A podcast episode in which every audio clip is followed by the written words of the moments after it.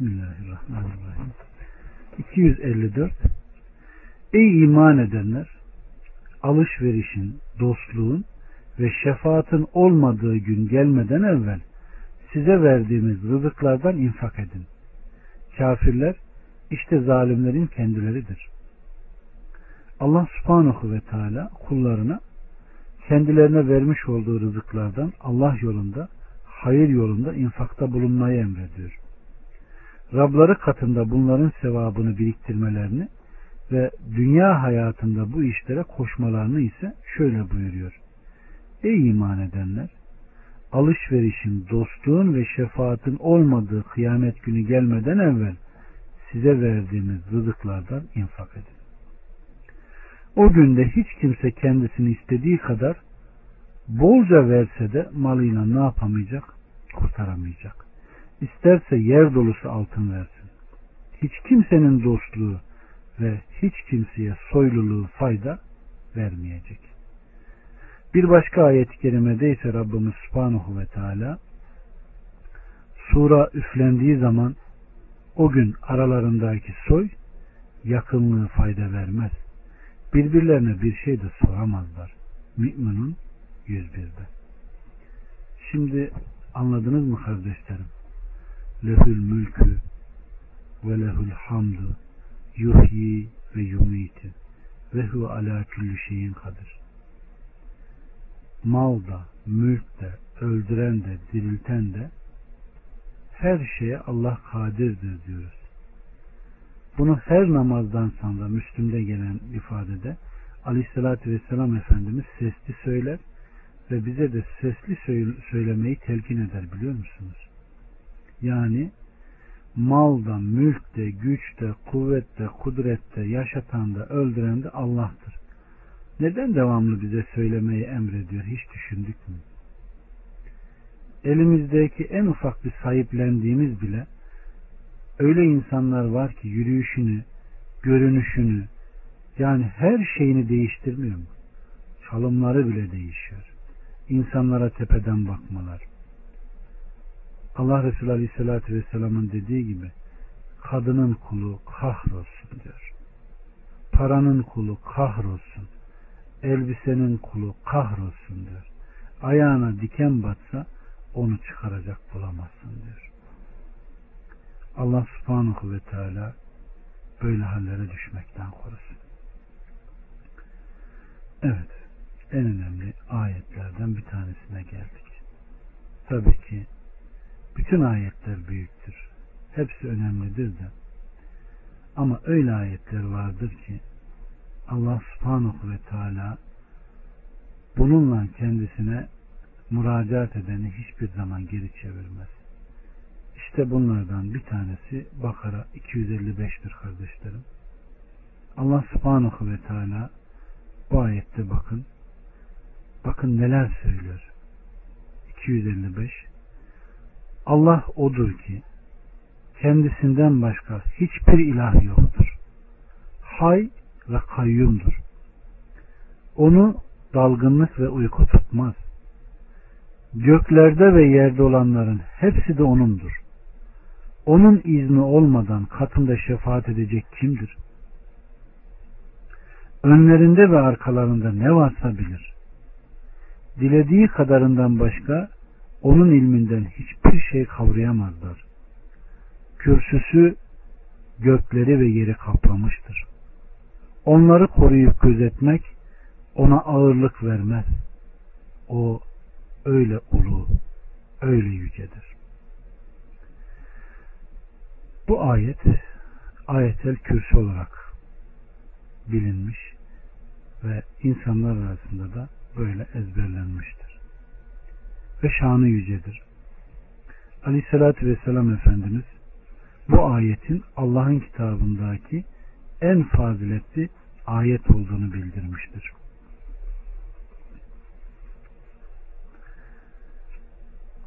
Allah Resulü Aleyhisselatü Vesselam kendisine Allah'ın kitabında hangi ayet en büyüktür diye sorulduğunda Allah Resulü Aleyhisselatü Vesselam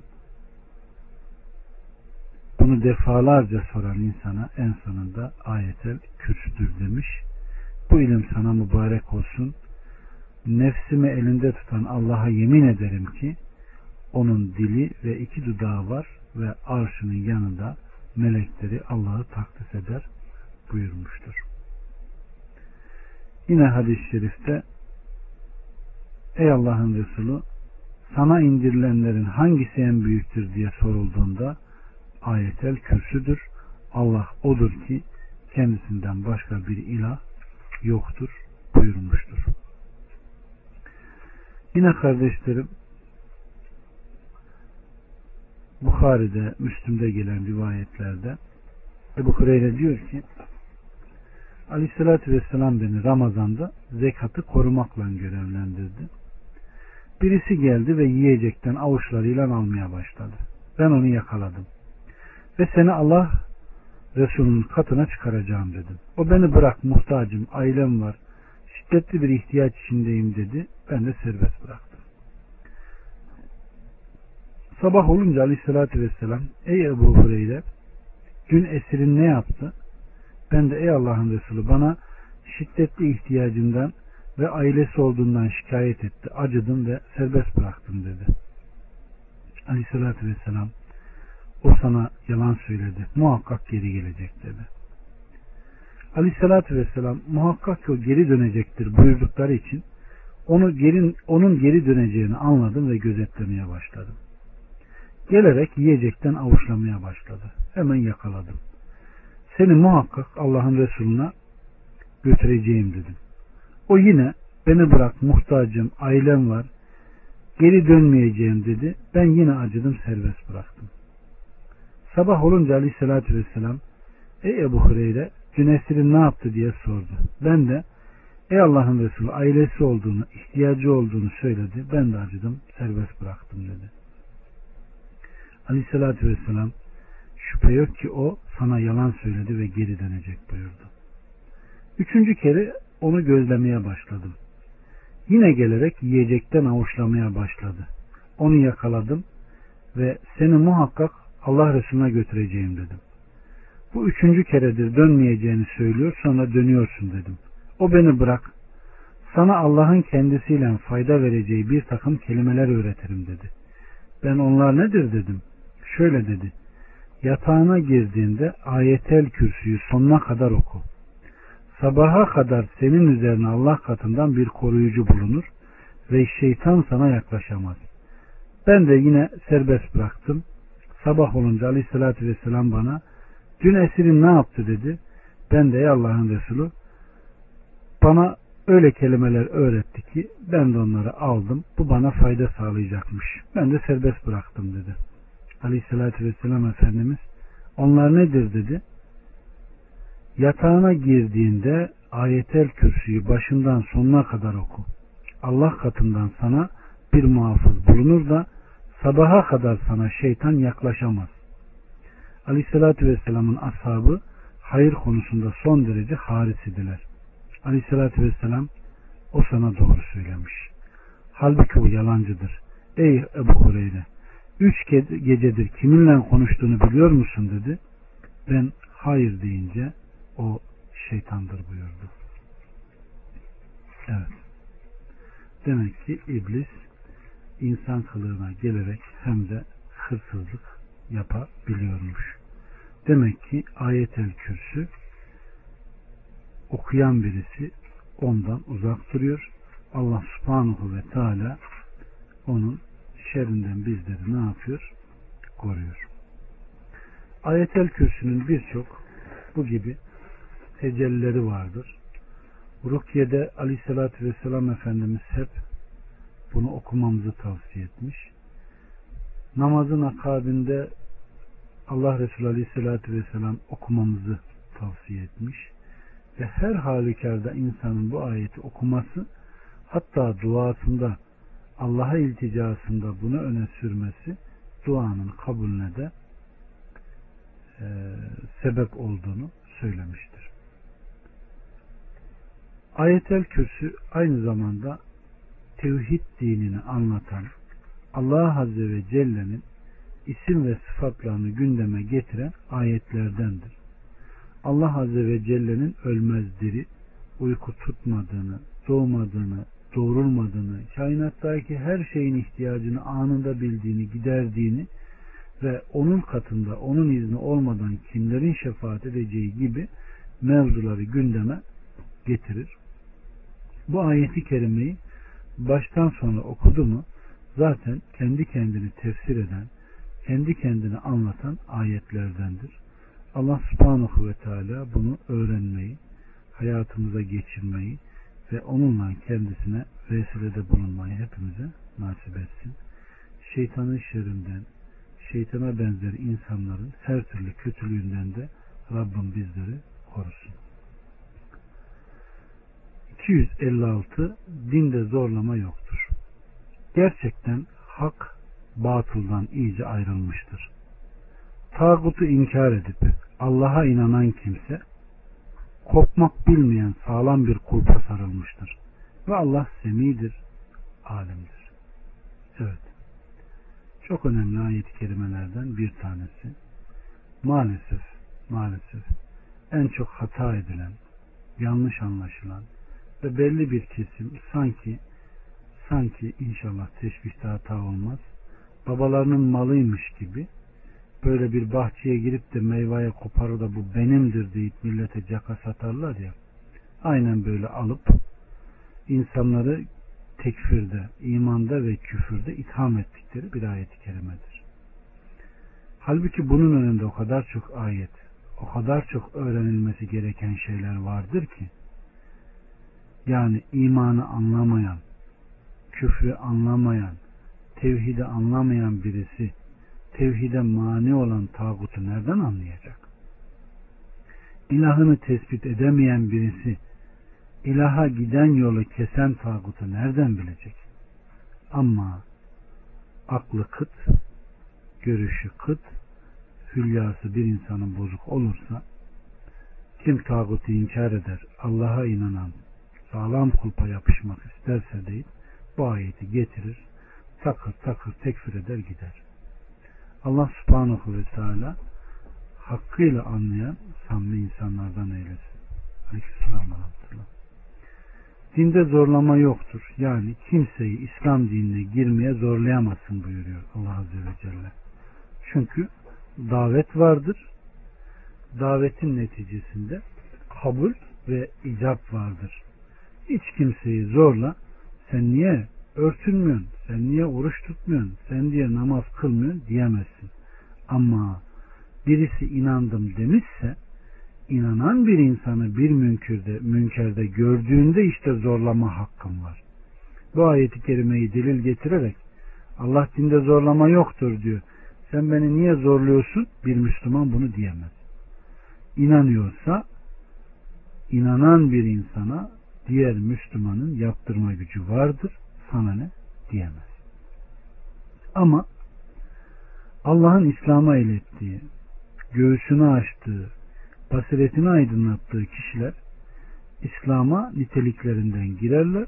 Allah'ın kalplerini kör ettiği, gözlerine ve kulaklarına damga vurduğu kişilerin ise zorlanma ile bu dine girmeleri bir anlam taşımaz.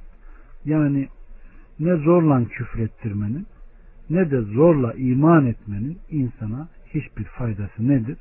Yoktur. Bunu anladınız mı?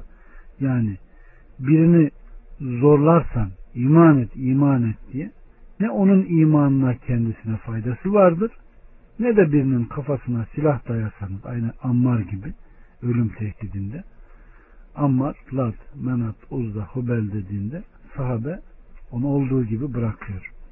Ve onu imandan sonra küfre girdi diyorlar. Aleyhissalatü Vesselam Efendimiz Ammar'a gelip Ey Ammar sen bu sözü söylediğinde kalbinde o putlara karşı bir sevgi, bir sevk var mıydı?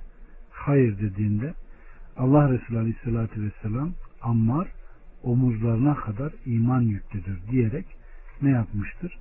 Ona iman ehli olduğunu böyle bir şey ne zaman başına gelirse gelsin bundan çekinmemesi gerektiğini söylemesi gerektiğini buyurmuştur. Demek ki dinde imanda olsun, küfürde olsun insana hiçbir zararı yok.